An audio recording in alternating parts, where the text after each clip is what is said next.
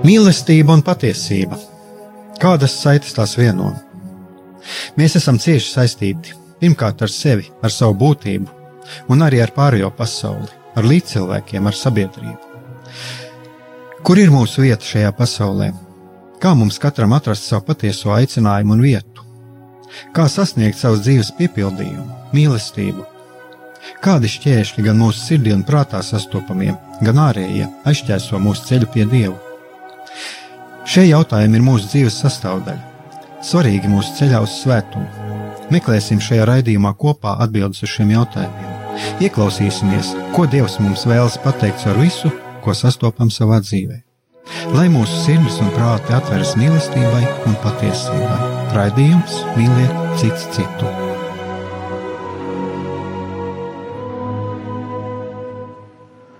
Lai top slavēts Jēzus Kristus, esiet sveicināti, dārgie radioklausītāji! Eh, es domāju, šodien šī ir tāda pārsteiguma diena, jo šodien ir atkal dzīvā etera laiks. Tas nozīmē, ka šis raidījums nav ierakstā.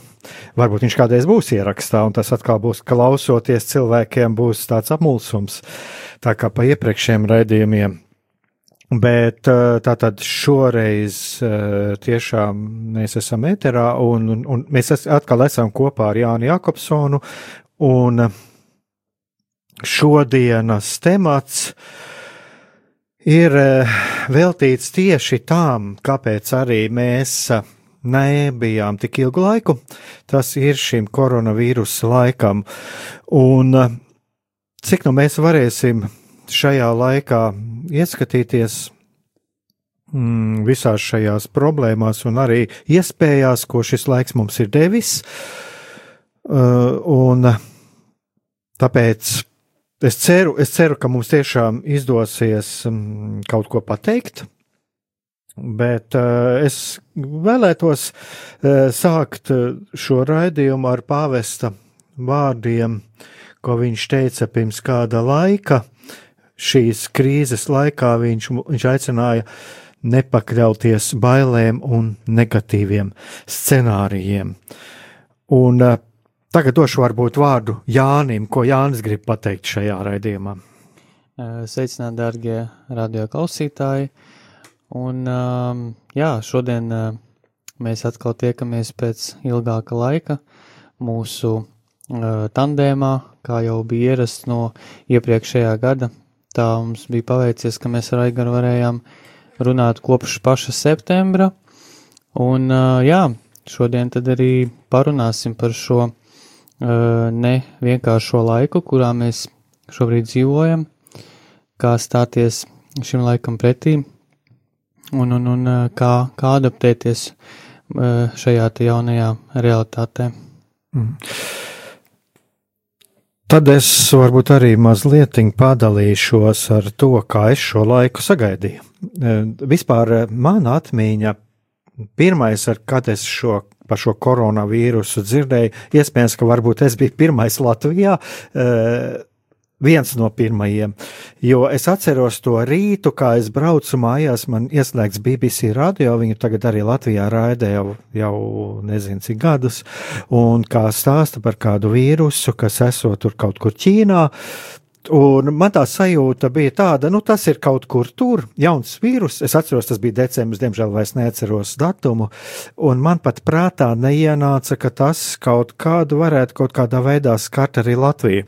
E, ko tas nozīmē? Tas nozīmē to, ka patiesībā šis laiks parādīja, ja mums pirms kāda pusgada par kaut kādu koronavīrusu kaut ko kāds teikt, un kad ir kaut kas tāds noticis, mēs droši vien lielākā daļa pamatā ne, nu, nespētu kaut ko tādu iedomāties.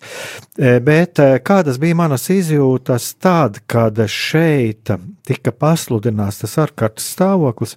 Protams, e, es mm, sapratu, ka tas kaut kad beigsies. Nezinu, kad, cik ilgi tas būs. Bet izjūtas, protams, eh, ir tādas iekšējas bailes gan par sevi, gan arī par sev mīļiem, tuviem cilvēkiem, kas būs. Jau tās ziņas jau kādu laiciņu jau nāca no Itālijas, no citām valstīm. Eh, no kā man bija bail? Tātad, nu, pirmais, pirmais jau tāda nedrošības sajūta, tas ir par sevi. Nākamais, no politiskiem satricinājumiem.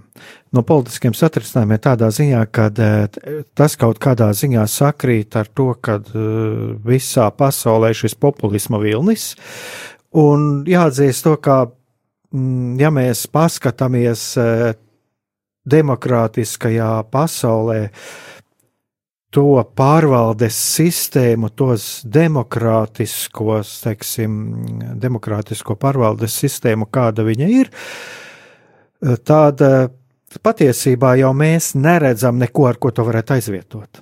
Un tās situācijas sevišķi to parādīja parādīja šo bīstamību 2016. gads, Brexits, kādā veidā tika ievēlēts Trumps, parādīja to, ka, diemžēl, ir šis populisms, viņš ir ieguvis ietekmi.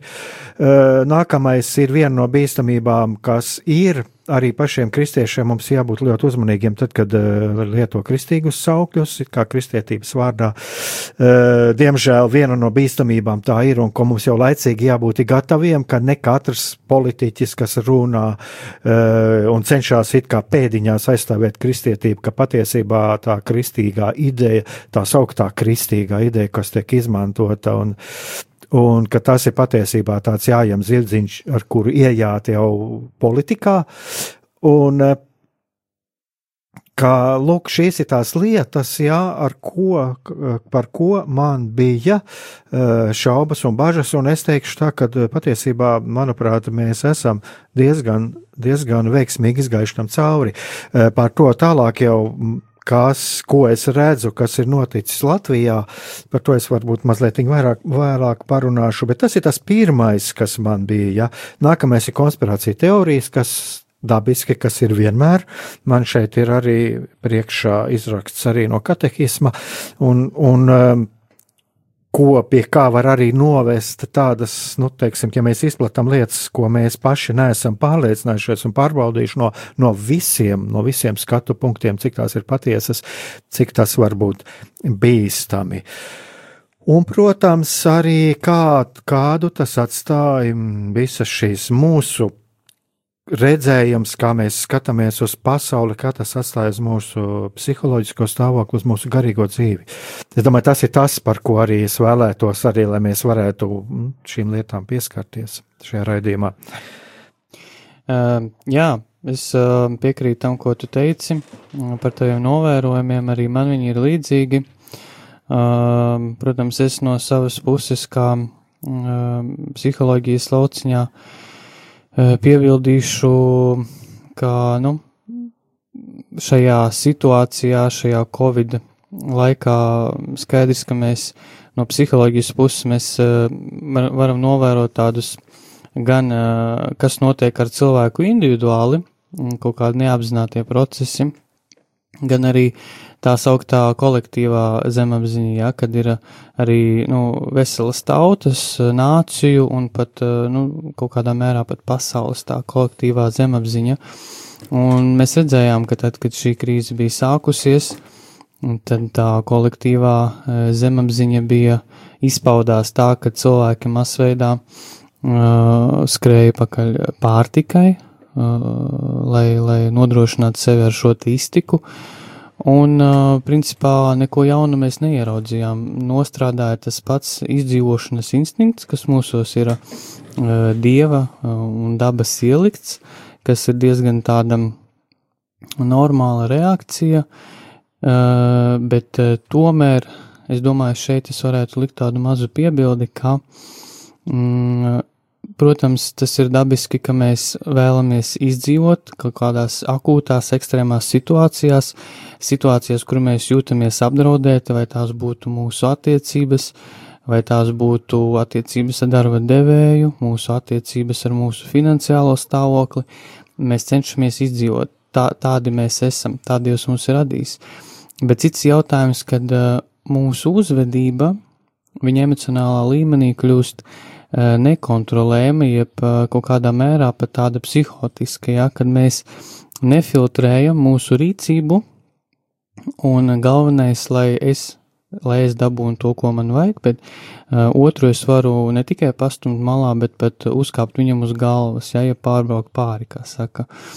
Un uh, es domāju, šis ir tāds um, svarīgs moments, ka uh, jo vairāk mēs individuāli uh, atbildēsim sev uz jautājumu, uh, kādas, kādas ir manas attiecības ar šiem te eksistenciāliem jautājumiem, jo vairāk es spēšu sev atbildēt, uh, kāda ir mana attieksme pret nāvi, pret uh, tādu, es teiktu, pat pēkšņu nāvi, jā, ja es saslimstu vai, vai man kaut kas notiek kādā avārijā, vai pēkšņi varbūt vakarā man kaut kas var notikt, jā, kāda ir mana attieksme, Viens ir tas, ka, protams, no kristīgās puses, un mēs kā kristieši, mēs bieži vien atbildam šo te automātisko reakciju. Jā, es ticu Jēzum Kristum, es esmu bijis pie grēksūdes, es cenšos dzīvot žēlstības stāvoklī, un es ceru nokļūt debesu valstībā. Tas ir viens, bet otrs mēs zinām, ka tad, kad mēs reāli nokļūstam šādā situācijā, kas apdraud mūsu dzīvību vai mūsu tuvinieku dzīvi, tad uh, mēs saskaramies ar ļoti lielu trauksmu un spriedzi. Un nereti tas var būt arī tāpēc, ka mēs neesam līdz galam, uh, var teikt, pat sarunājušies ar šo te nāvis jautājumu. Kas tad ir īsti slimība priekš manis, ko tas nozīmētu, ko tas manā dzīvē ierobežotu, uh, varbūt kādas iespējas tas pavērtu manā dzīvē. Tāpēc, uh, jā, tās, tā reakcija, kas sākotnēji ir bijusi, kad cilvēki cīnījās par izdzīvošanu, viņi skrēja pēc ēdiena, tā ir, ir normāla reakcija. Es domāju, tur nevajag nekādus, mm, nekādus izsmieklus, jā, kā Facebookā bija daudz visu šito mīmu attēlu uztaisīt. Tas viss, protams, forši smieklīgi, bet tā reakcija ir tīri dabiska, normāla. Galvenais ir tomēr kaut kā sevi provēt, kontrolēt, lai jautājums par manu izdzīvošanu tomēr nenodara pāri manam tuvākajam. Jā, nu, tu pieskaries arī šim jautājumam. Jā, tāpat patiesībā jau arī tas ir tāda apzināties, apzināties arī savu ievainojamību, arī šo nāves iespēju vienkārši viņu apzināties. Tas, tas ir arī viena no tādām būtiskām lietām.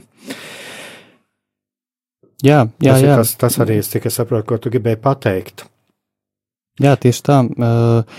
Jo vairāk es spēju apzināties to, ka mm, es neesmu bezgalīgs un manas iespējas, manas fiziskās un, un cita veida spējas ir ļoti ierobežotas, jo vairāk es spēju arī, nu, es domāju, pieņemt to, ka es esmu diezgan ierobežota radība. Nu, šeit jau, šeit jau tāda pieskāries tam, ka pieņemt to, ka es esmu ierobežotā radība, ja, un kas arī ved pie, pie šīm, šī iekšējā miera. Iekšējā miera, un tas noteikti ir arī izaugsmes punkts, jo, uh, kad līdz mūsu apziņai nonāk uh, tiešām šī saprašana, ka uh, es esmu ļoti ierobežots, un uh, manas iespējas ir ierobežotas, arī laiks, kas man ir dots, uh, Mm, tad, tad var uznākt tāda patīkama trauksme, kas mani var motivēt sākt dzīvē kaut ko darīt, ko mēs arī redzam, kas ir noticis mm, ar daudziem cilvēkiem, arī ar daudzām draudzēm, ja, ka ir parādījušies šie te, uh, digitāli kanāli TV, ja, draudžu YouTube, kuru priesteri pārraida uh, svētās mīses. Uh, nu, teiksim, tas parāda to, ka krīze rada uh, kaut ko radošu, ja, ja mēs spējam to transformēt tādā pozitīvā gaismā. Es domāju, tagad mēs varam paņemt kādu muzikālu pauzīt, un tad turpināsim.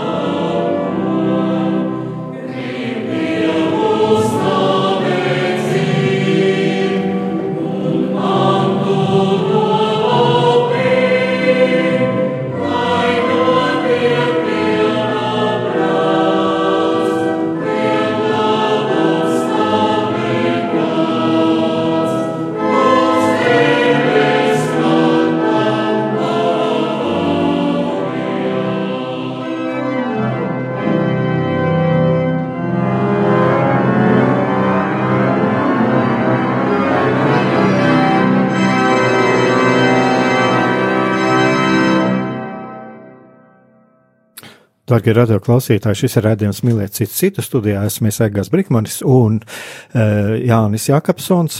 Un mēs te pirms muzikālās pauzes pieskaramies tādai lietai, ka, kas ir ļoti svarīgi arī apzināties savu ierobežotību un kas arī var iedot mieru. Uh, es gribētu piebilst pie tā, ko es teicu ka mm, varbūt dažiem varētu rasties iespējas, ka katrs, kas tagad runā par Bībeli un kā, ka tur ir jāuzmanās, katrā ziņā mums nav jāuzmanās un ir ļoti labi, ja mums tiešām reāli parādītos kristīgi politiķi, vienkārši vadoties no šīs pieredzes, kā, ka arī kristietību var izmantot, vai teikt, Bībeli var izmantot kā instrumentu politiskajā populismā, un tas ir diezgan, diezgan izplatīti. Tas ir izplatīti gan Latvijā, gan, gan arī visā pārējā pasaulē. Bet katrā ziņā būtu ļoti labi, ļoti labi, ja tiešām parādītos mm, kristīgi politiķi, kurus diezgan, diezgan grūti ieraudzīt, atklāt sakot, man pašam personīgi. Bet es domāju, ka te ļoti labs piemērs ir arī tas, ko Es pats esmu runājis šeit rādījumos, un ko mēs dzirdam, uz ko arī aicina eh, Pāvests Francisks un uz ko, uz ko mūs aicina baznīca. Bet eh, atklājās eh, daudzas lietas, ko es tagad tā ironizēju, tagad Sorosa vietā ir cits vainīgais, ir tagad Bills Gates nācis, ja. Un tas ir lūk šīs konspirācija teorijas, un diemžēl viņas ir arī kristiešu, dažu kristiešu vidē izplatīts. Un šeit es atkal gribu uh, atgriezties pie astotā baušļa.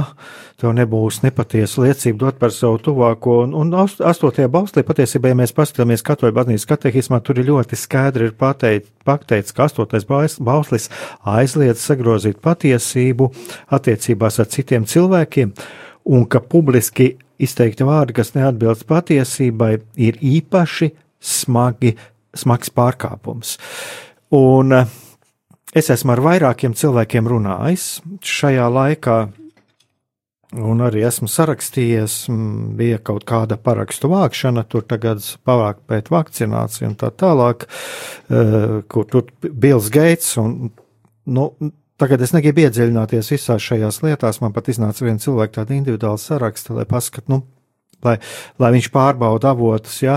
Bet eh, ko gan es gribētu tādu pateikt, jā, mm, vai tad eh, es, es esmu pilnīgi neitrāls pret Billu Geitsu. Es esmu pilnīgi neitrāls pret Sorosu. Es uzskatu, ka tie nav tie cilvēki, no, kums, no kā mums būtu tiešām jābaidās. Ja arī ap viņiem ir uh, izveidotas, um, teiksim, tā viņi ir arī ir radīti tā, tā kā tādi, um, ar ko mūs biedē. Bet, uh, jā, ir, eh, mm, ir Bills Gates tiešām ir pateicis arī kaut ko par to pasaules. Man liekas, tu arī esi lasījis to. Jā, to, kur viņš ir kaut ko teicis par to pasaules iedzīvotāju skaitu un tā tālāk, jā, bet patiesībā tas ir arī, cik es esmu to, tas ir izrauts no konteksta, un es pat īsti patiesībā, patiesībā nezinu. Tad man ir tiešām jānoskatās tā viņa intervija un tā tālāk, jā, ar kādu kontekstu viņš to runājis, un, un ir tāds pastāv arī tāds viedoklis, jā, kad ir lūk, kad draudēs bats un tā tālāk, jā. Tagad neiesim šīs lietās, jā, tur, lai tagad Kādreiz varētu, mēs varētu uzaicināt cilvēku, kas varētu parunāt arī no morāla, teoloģiska viedokļa un tā. Bet es, es gribētu paskatīt no ciet, paskatīties mazliet no citu skatu punkta. Mm, es esmu tā teicis, un vairāk kārt esmu teicis, ja tiek radīta vakcīna vai kādas zāles pret koronavīrusu, tad nav svarīgi, vai, ir, vai tas ir radījis to Bills Gates, vai to ir radījis kāds Japānis, Ķīnietis, Krievs, Vācietis, Anglis. Eh, būtībā objektīvi skatoties, tas ir vispārīgajam labumam. Es domāju, ka mums jāskatās no, no pirmās. Pirmais jāskatās tas, otrkārt, ja mēs dzirdam kaut kādu viedokli, vienalga vai tas būtu Bills Gates vai, vai Soros vai kāds, mm, mums ir vienmēr ir vajadzīgs pārliecināties tomēr, eh, cik eh, šī mm, cik tas atbilst patiesībai. Ja? Eh, kāpēc es runāju arī par šo par šo mm, astoto bausli. Un kāpēc, ir, kāpēc tas ir šis ļaunums, ko var, šī, uh, var nest šī nepatiesā informācija un šī baiļu kurināšana. E, tāpēc, kad es arī šodien noklausījos jau BBC un vairākas, viņi tur arī stāsta par tiem nelaimēm, kas ir notikuši, gan lietojot tur tās malārijas zāles un viss, ja, kas ir, kas ir diemžēl pat, pat, no, pat no valsts prezidenta, no ASV prezidenta iznācis ir tāds Ja, viņa subjektīvais viedoklis, kas nebija patiesa, un, un cilvēks ir autoritāte, viņam seko, un ir tiešām ir bijuši visā pasaulē upuri, sekojot šiem nepareizajām, nepareizajiem ieteikumiem. Ja. Nākamais, man liekas, ka šeit mēs redzēsim arī vēl vienu lietu pavērsies, vēl viena jauna tāda dilemma. Tas ir attiecībā uz vakcināciju. Es pats personīgi atzīstu, es esmu vakcinācijas piekritējis, un es saku arī to, ka es nenoliedzu, ka varbūt arī kādas blaknes un tā tālāk. Jā.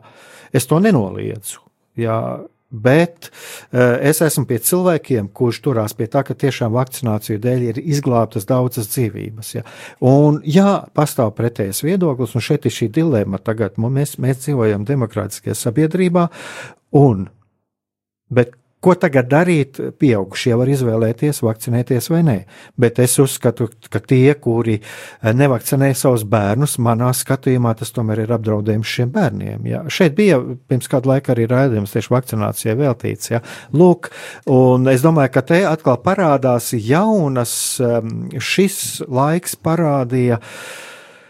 Uh, vājos punktus, kuriem, uz kuriem mums var uzspiest arī manipulējot ar sabiedrības apziņu. Es domāju, ka tā ir viena tāda lieta, arī ko mēs, ja mēs tiešām veselīgi to uzņemam, mēs sākam varbūt dažos brīžos pārvērtēt arī savu viedokli, ja, un mācāmies domāt. Um, Te varētu vēl par domāšanas izceļiem, bet tas varbūt cits arī kādā veidā, mēs turamies un kādos, ko mums spiež manipulējot. Ja? Šī varētu būt tā lieta, un tā ir tā lieta, par kuriem mums, mēs varētu jau laicīgi padomāt, ko mums darīt, ko mums darīt, kad saskarsies.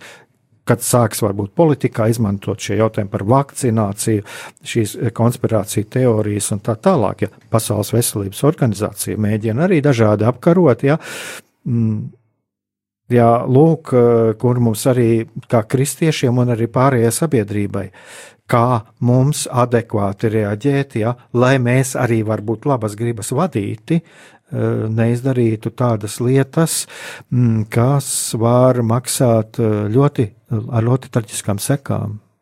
Un man liekas, šis ir arī viena tāda lieta, eh, kas kas uh, atklāja daudzas uh, lietas, pie kā mums būtu jāstrādā. Un es domāju, ka šeit arī varētu tiešām, tiešām ļoti daudz darīt baznīca, un baznīca varētu darīt arī daudz uz to, ka būtu arī atvērta uz viedokli, kurš varbūt līdz šim netika pieņemts. Jā un ieklausīties un iet uz dialogu. Eh, tad, kad eh, sākās sezona, es zinu, mēs ar Rihādu runājam, es runāju par to, cik ļoti labi būtu, ja būtu dialogs starp tiem, kur sev pieskat pie konservatīviem un liberālajiem. Jā. Pāvests arī uh, savā jauniešiem veltītajā encyklikā viņš arī par to raksta, kad izmantot visus arī šos liberālos viedokļus un uh, varbūt kādreiz es par to varēšu parunāt, viņš tieši par to konkrēti lāk, izmantot visu, nenolikt to, ka cilvēks ir vai konservatīvs vai, vai liberāls a priori, kad ielikt kaut kādā rāmītī. Tas viedoklis ir kaut kāda iemesla dēļ ir veidojies. Mm -hmm. Gan šis konservatīvais, gan liberālais. Un tad pajautāt šim cilvēkam, kāpēc viņš tā skatās uz to. Ja? Es domāju, ka te ir tik daudz jautājumu lokus, tagad, kas ir pavēries, kad es ceru, ka mēs visi kopā kādreiz varēsim pie tā pieķerties un, un iziet uz dialogu. Tiešām šī atvērtā sabiedrība, no kā ļoti daudzi baidās, mums ir vajadzīga. Un mums ir vajadzīgs tiešām jo vairāk iziet arī no šiem saviem skapjiem ārā, ja, tas saistās asociācijas ar kaut ko citu pavisam, ja, bet šie skapji jau ir ļoti daudz. Ja. Nu, tas ir man tā iznāca ļoti garš šis mans komentārs, ja, bet eh, es eh, te vakar sēdēju, gatavoties uz raidījumu un rakstīju, un rakstīju man ir ļoti daudz sarakstīts, un es domāju, ka tam varētu arī vienu, vienu raidījumu veltīt. Jā, mēs arī sen neesam šeit bijuši. Skaidrs, ka mums gribas vairāk parunāt, ir ko teikt, ir tik daudz sakrājies, kas par šiem mēnešiem, esot šajā Covid laikā, es savukārt atsaukšos uz tādu biblisku domu, ka ir svarīgi vērot laika zīmes, jā, kādas ir laika zīmes šeit un tagad, 2020. gadā, kas no tā, kas notiek pasaulē, varētu atbilst kaut kādiem bibliskiem scenārijiem un kas nevarētu. Jā. Un šeit, protams, lūkojoties šādi uz to, kas notiek, protams, uzreiz var rasties dažāda veida aizdomas, ka varbūt iespējams mēs dzīvojam tādos, teiksim, nu, pēdējos laikos, jā, bet es arī atgādināšu to, ka arī apustuļa Pāvila laikos kristieši uh, bija ļoti pārliecināti, ka viņi dzīvo pēdējos laikos, ka, ka Jēzus atnākšana būs tādā pirmajā gadsimtā, bet, nu, kā mēs zinām, tas vēl nav noticis, jā, mēs, mēs šeit neatrastos, ja tas būtu noticis.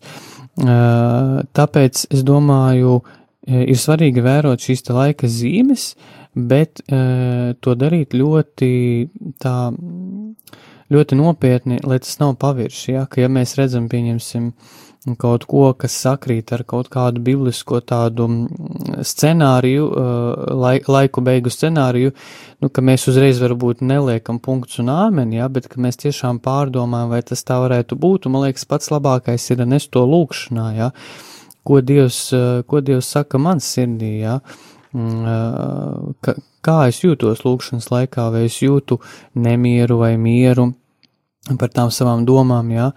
Un uh, tas, ko tu minēji par šiem te dažādiem vied viedokļiem, jā, liberāliem un konservatīviem, uh, man liekas, ka šeit ir tiešām ļoti labs šis te jautājums, kāpēc cilvēks domā tā, kā viņš domā, jā, un kas viņu mudina tā domāt, jā. Cevišķi um, psihologu darbā tas ir, nu, tas ir pamat jautājums, kāpēc un kas, jā, un no tā sākas visa cilvēka uh, terapija, jā, kad viņš sāks atbildēt, kāpēc viņš jūtas tā, kā viņš jūtas, un kas ir tas, kas viņu mudina vai nu pārdzīvot, vai nu priecāties, vai nu baidīties, un tā tālāk.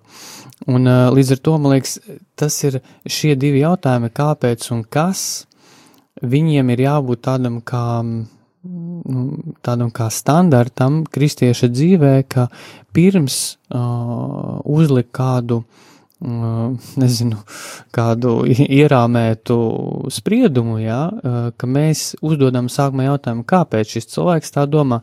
Ok, viņa viedoklis varbūt nesaskan ar manu, varbūt viņa viedoklis nesaskan ar baznīcas un bībeles mācību, bet kāpēc viņš tā domā? Un tad pajautāt cilvēkam un, un, un izprast, jā, un tad, tad jau skatīties, kā mēs varam tālāk uh, provēt būvēt šo tiltu, jā, nevis, ka mēs tagad aizveram durvis, iesparam ar kāju, jā, un, un pasakam visa tā. Jā, es te mazliet gribētu vienu lietu piebilst arī, kāda ir jau vēl viena lieta, ar ko mums ir jābūt uzmanīgi, kad mēs skatāmies, kad tas bībeles spriedums, tas, kas mums šķiet saskan vai nesaskan ar bībeles spriedumu, tur arī mums ir m, bieži vien ir subjektīvi, un tas ir arī kādreiz paskatīties, ja lasot bībeli, jūtu to un to, ieklausīties, kas tas ir. Ja, jo bieži vien mm, tas, mēs uz Bībeli varam skatīties ļoti subjektīvi, un mēs varam kļūdīties lasot Bībeli. Un kādā veidā? Ka mēs Bībelē meklējam apstiprinājumu savam redzējumam, savam viedoklim. Un bieži vien lasot Bībeli, ir jāizjūt arī kaut ko sāpīgu un sevī kaut ko jāmaina. Es domāju, ka šeit ir arī mm, attiecās uz svētajiem rakstiem un, un uz to, kā mēs attiecinām arī uz šīm, ja kā tu teici, jā, ir vajadzīgs lūgties un patiesībā, ko Dievs saka, jā, jo šeit ir arī ļoti bīstami, šeit mēs varam nonākt pie to, kā kādreiz sauc par sišanu pa galva bībeli, jā, un um, tā kā ļoti, ļoti, ļoti svarīgi ir, jā, mums ir svarīgi paņemt rokās bībeli, bet ko Bībele saka vispirms pirmām kārtām tieši man. Un tad, ko es varu dot sabiedrībai? Nu, tas tāds man nedaudz par šo tādas pārdomas. Mm. Jā, jā tu, tu, to arī mēs varam saukt par tādām projekcijām, jā, kad mēs cenšamies ieraudzīt kaut ko, kas atbilst mūsu šai kaut kādai iekšējai, varbūt tādai ievainotībai, jā, un mēs zinām arī gadījumus, ka, teiksim, tantiņa varbūt baznīcā labu gribot, tiešām labu gribot, bet ierauga kādu jaunu, tādu, nu, gudru un, un, un tādu tādu stabilu cilvēku, viņu varbūt viņam tā kā uzreiz izsaka tādu pamudinājumu, tev jādodas uz semināru, jā, un, un, un tas cilvēks, nu, varbūt viņš pasmējās, varbūt viņš pasaka paldies, varbūt viņš arī ieļaunojas, jā, varbūt viņam tur mm, viņu gaida, nezinu, kafejnīcā draudzene, kur viņš ļoti mīl, jā, un ar kuru viņš aprecēsies, un gala rezultātā viņiem būs daudz bērnu, viņa būs stipra katoliska ģimene, un viņi varēs nest kā ģimene šai sabiedrībai gan laicīgajā, gan garīgajā sfērā ļoti būtisku pienesumu, un arī baznīcē tā skaitā, jā. Bet, ja mēs uzliekam tādu viennozīmīgu rāmi, ja tas ir jauns un gudrs, izskatīgs cilvēks, tad, un ja viņš vēl māk lasīt vai runāt smuki, jā, tad, tad viņam noteikti ir jābūt seminārā. Nu, tas tāds piemērs, jā. Mm.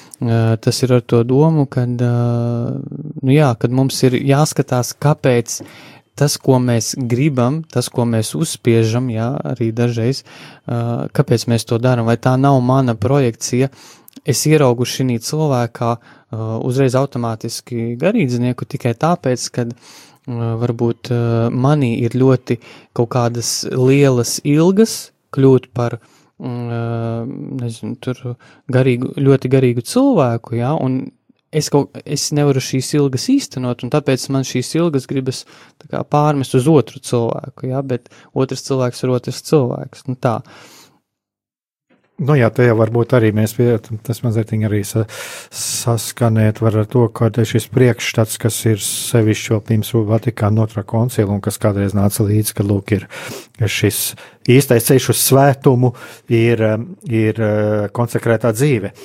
Bet, jā, nu, var dažādi būt, jā, bet katrā ziņā, es saku, mums ir jābūt ļoti, ļoti piesardzīgiem arī uz šo, jā, jo, es saku, bībeli nu, mēs varam skatīties ļoti subjektīvi, un tad caur, mm, it kā caur Bībeles prizmu, bet patiesībā tas ir caur. Es pats caur savu prizmu. Uz ieraugu Bībelē to, ko es vēlos redzēt, bet kas īsti nevar būt uh, atbilstīgs, uh, kas īsti neatbilst šim Bībeles garām. Es domāju, tagad varam atkal vienu muzikālu pauzīti paņemt.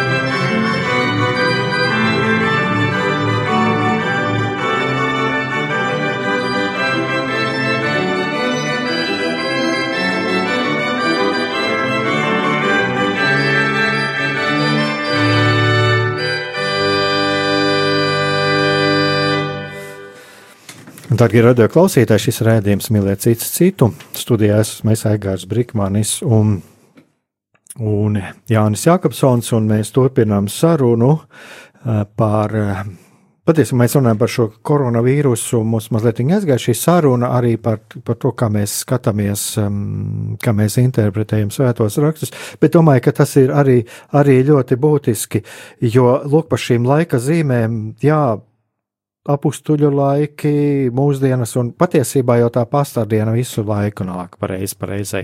Bet tad, kad cilvēki mūsdienās saka, nu ir pasaules gals, tad es gribētu teikt, iztēloties, kas notika Latvijā pirms 80 gadiem. Nu, jau ir nā, pēc nepilna mēneša, būs 80 gadi, kas sākās tumšākais mm, moments Latvijas vēsturē. Un, un to es arī kādreiz aicinu iedomāties, ka uh, Iedomāsimies, bolševisms 20. gadsimtā, nacisms, kur cilvēki tika iznīcināti tikai par to, ka viņi piederēja kādai nācijai, kur cilvēki tika iznīcināti tikai tāpēc, lai kāds noturētos pie varas, deportācijas, gāzes kameras, izpostītas pilsētas. Man šķiet, ka, ja tā paskatās tos attēlus, filmus no tiem laikiem, šeit, tad gan varēs sajusties cilvēki kā, pasta, kā nu, ir pienācis pasaules gals. Ja. Man tomēr gribētos paskatīties uz to no tās puses, ka nekad rietumu sabiedrība. Eiropa nav piedzīvojusi tik labvēlīgus apstākļus, labvēlīgus apstākļus arī kristietībai, kā tas bija pēc otrā pasaules kara. Es Jā. pār šiem vārdiem varu simtprocentīgi garantēt. Mm. Un, lūk, un šeit ir tā bīstamība, ko es saskatu, ja sākās šīs, šī sistēma nav ideāla. Viņa nav ideāla. Bet šajā brīdī mūs cietumā neliks par to, ja mēs sludināsim evaņģēlī vēsti. Bet, ja mēs nebūsim gudri kopumā, tad gan var pienākt jā, pie tā, ka būs, varbūt varēs evaņģēlī vēsti sludināt, bet jau pakļaut kaut kādai ideoloģijai, mm -hmm. lai varam nonākt arī pie tā, ka par nepareizu sludināšanu mēs arī atkal varam piedzīvot represijas. Es tagad negribu biedēt, jā, bet vienkārši, ko es ar to gribu teikt, ja, kad šī sistēma mēs varam šo evaņģēliju sēklu tagad iesēt. Viņa nav ideāla. Uh, tagad būs pēc kāda laika, es skatos, varbūt arī pievienošos, būs runa arī par dzīvības aizstāvību. Ja.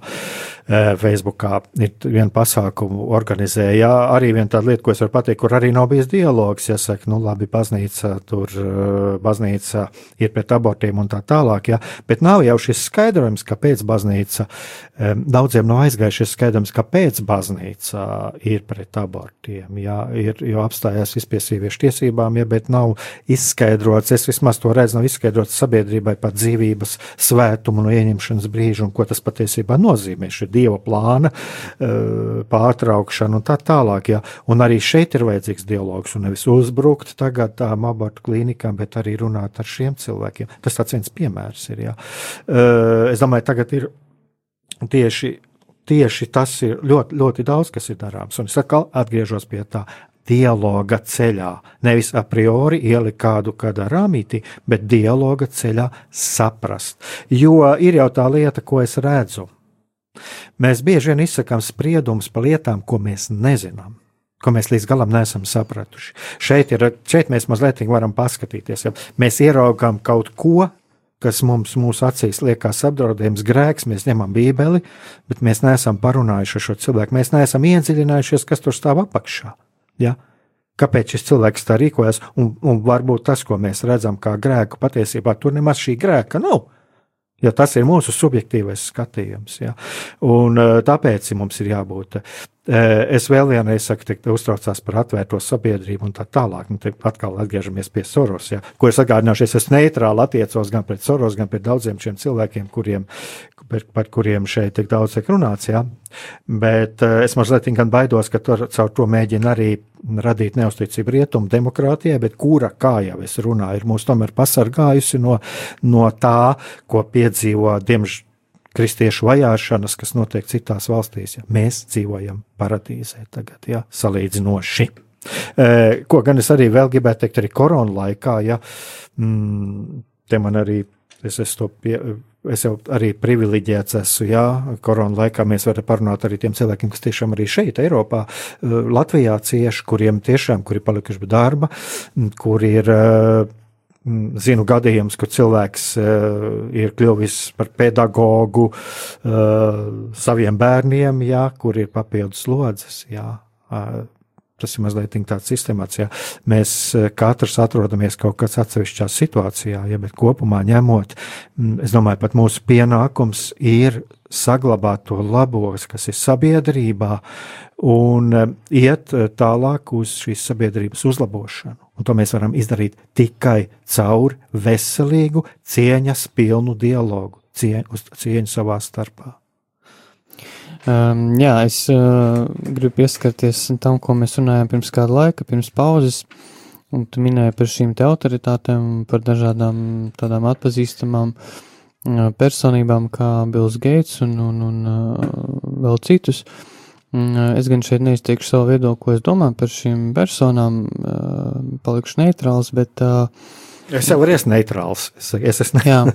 Varbūt mūsu viedokļi atšķirās, bet kaut kur, jā, bet nu, man pašam personīgi, man neitrāli, man viņš neizsauc, nu, teiksim, nekādas emocijas. Ja viņš rada kaut ko, kas cilvēks var glābt, nu, patiet, pateicība Dievam. Jā, jā es, gan, es gan šeit gribu minēt tādu, vairāk tādu psiholoģisku aspektu, runājot par autoritātēm, ka uh, tad, kad iet runa par autoritāti, uh, ja man rodas neusticība pret kaut kādu struktūru, vienalga kāda tā būtu, vai nu valstiska, vai nu tas pats mans darba devējs, jā, tad ir ļoti vērtīgi arī iedziļināties, kāpēc mana attieksme pret autoritāti ir tāda, kāda viņi ir. Jo šeit ir svarīgs kāds moments, ja mēs bērnībā uh, neesam redzējuši veselīgu autoritātes piemēru, un autoritāte tas ir tēvs. Ja, šī, ja šīs autoritātes tēls mums ir bijis tāds izkropļots, tad mūsos automātiski rodas neusticamība pret visu, kas ir autoritāte. Un, un mēs varbūt ārēji varam teikt, ka jā, es paklausu baznīcas autoritātei, es paklausu uh, savam bīskapam, pāvestam, eh, es paklausu autoritātēm, bet uh, manā dzīvē kaut kādos momentos uh, mana uzvedība nerāda to, ka es paklausu. Mana rīcība, manas domas, mana pārliecība nesaskan, un no tā es ciešu. Un, un šeit mēs varam pavirzīties drusku tālāk, ka šī te neusticēšanās autoritātei, viņa gal galā noved pie tā, ka es neusticos pats sev. Jo uh, vislielākā autoritāte, uh, nu, tādā subjektīvā, uh, subjektīvā uh, dimensijā, tas esmu es pats sev. Es ar savu brīvo gribu nosaku, uh, ko darīt, ko nedarīt, jā. Un, un, un uh, ja es neusticos autoritātēm, man ir kaut kāda skepse. Uh, es, es, es nemāku paklausīt, jā, autoritātei. Un tad arī es neusticos sev kaut kādā līmenī, un šī neusti, neusticēšanās sev, viņa mūsu dzīvē var radīt tādu ļoti lielu robu, un no tā var ciest uh, mūsu spēja būt, uh, teiksim, uh, konkrētiem, izvēlīgiem, ja mēs nevaram izvēlēties starp vienu un otru, um, un, un tas, šī neizvēlība, uh, neusticēšanās sev, viņa var skart ļoti dziļi daudzus mūsu dzīves aspektus. Tāpēc ir ļoti svarīgi mm, izskatīt arī šo attieksmi pret autoritāti, vai gal galā es uzticos sev. Un, un, un tad arī godīgi sev atbildēt, jā, vai es uzticos vispār uh, Dievam, vai es uzticos Kristum. Es saku, Jēzu, es uzticos tev, bet kā tur ir īstenībā ar to uzticēšanos? Varbūt man ir vērts šo jautājumu šajā Covid laikā uh, nolikt zem tādas inventarizācijas, jā, Un, un, un jā, un es tomēr arī gribu tādu raidījumu beigās dot tādu no sevis tādu pozitīvu notika, izmantot šo laiku kā iespēju laiku. Jā, šis laiks nav viegls un ir daudz cilvēki, kas cieš finansiāli un, un veselības ziņā, bet izmantot šo laiku kā manu iespējas laiku, kādas ir manas iespējas šajā laikā, ko es varu darīt, lai es kļūtu apmierinātāks ar sevi, lai es kļūtu apmierinātāks ar savu dzīvi, ar savām attiecībām ar Dievu. Varbūt es varu īstenībā vairāk kalpot kādam, varbūt es varu atrast veidu, kā es varu kalpot mm, draudzē vai, vai, vai, vai savam tuvākajam. Tāpēc katra krīze cilvēku viņa mūdina uh, izkāpt ārā no komforta zonas un, un pierast pie jauniem apstākļiem, pierast pie tā, ka kaut kas ir mainījies un, un uh, adaptēties šiem. Un tas cilvēks, kurš spēj to izdarīt vai vismaz cenšas, tad, nu, attiecīgi viņa dzīvē šīs trauksmes līmenis būs krietni zemāks. Tas tāpat kā, ja mēs runājam par dažādu veidu psihiskiem traucējumiem, tad uh, kāpēc viņi rodas? Uh, teiksim, klasiskā neiroze, tāpēc, ka cilvēks nespēja ar savu domāšanas veidu adaptēties konkrētam dzīves posmam. Teiksim, cilvēkam ir 30 gadi, bet viņa kaut kādas neapzinātās uh, nostādnes, kas viņa, viņa dvēselē dzīvo, viņa psihē, viņas atbilst uh, varbūt uh, pusauģi, jā, tā kā uzvedībai vai domāšanai. Līdz ar to tas ir tāds Cilvēks ir iestrēdzis, un viņš nespēja adaptēties jaunai realitātei, jauniem notikumiem viņa dzīvē, kas rada trauksmi, un, un tad arī šī trauksme rada daudz ko citu. Un vai arī nav tā, ka šī trauksme tad ir tā, kas arī mm, kaut kādā veidā neusticēšanās autoritātēm. Es saprotu, tas ir tas, kā tur ne baznīcai, arī šīm medicīnas iestādēm, ko mēs redzam dažos atsevišķos brīžos. Jā. Teiksim tā, patiesībā jau sabiedrība diezgan veselīgi to izdzīvo, bet dažiem cilvēkiem tas tā ir.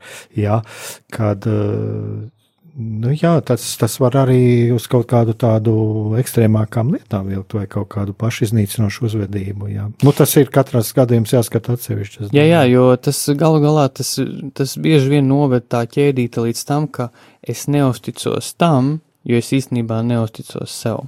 Un ja es uzticos sev, savām domām, savām rīcībām, tad arī es uzticēšos kādam. Nu tā.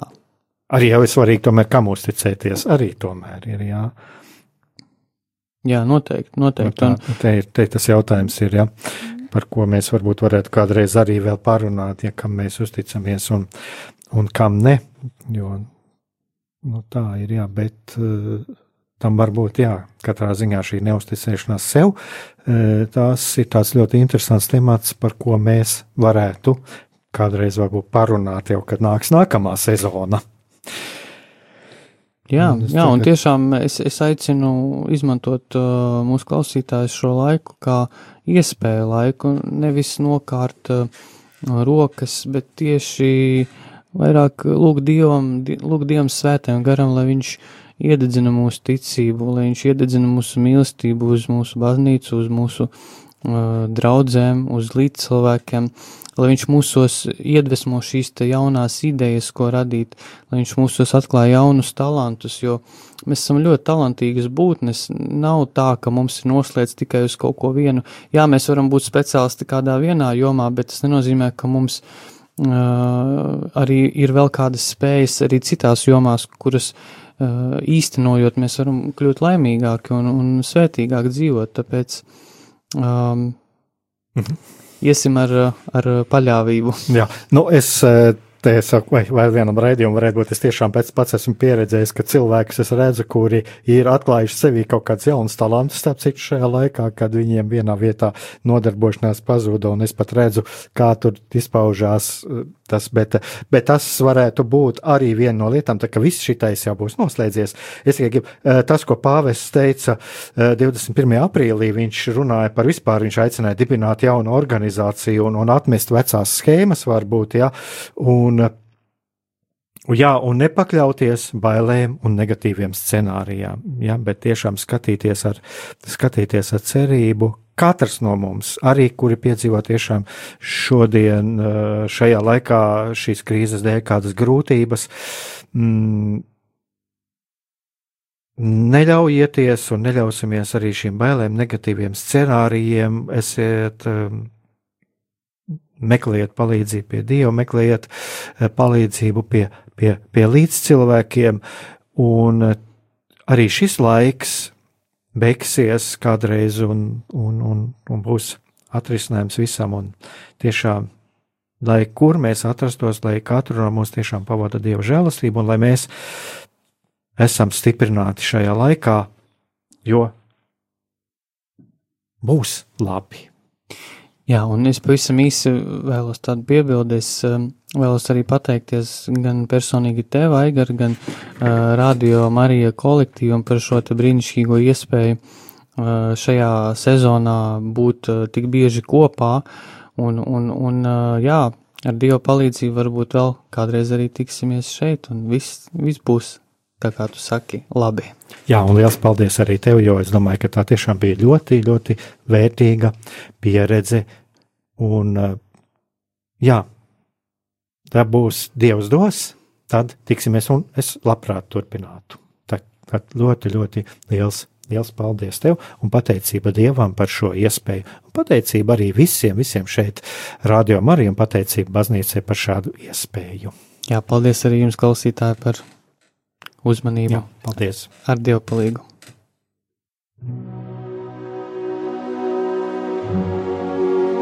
Mīlestība un patiesība. Kādas saites tās vieno? Mēs esam cieši saistīti pirmkārt ar sevi, ar savu būtību, un arī ar pārējo pasauli, ar līdzcilvēkiem, ar sabiedrību. Kur ir mūsu vieta šajā pasaulē? Kā mums katram atrast savu patieso aicinājumu un vietu? kā sasniegt savas dzīves piepildījumu, mīlestību. Kādi šķēršļi gan mūsu sirdī un prātā sastopamie, gan ārējie aizķēso mūsu ceļu pie Dieva? Šie jautājumi ir mūsu dzīves sastāvdaļa, svarīgi mūsu ceļā uz svētumu. Meklēsim šajā raidījumā kopā atbildes uz šiem jautājumiem. Ieklausīsimies, ko Dievs mums vēlas pateikt ar visu, ko sastopam savā dzīvēm lai mūsu sirds un prāti atveras mīlestībai un patiesībai. Raidījums mīliet citu citu.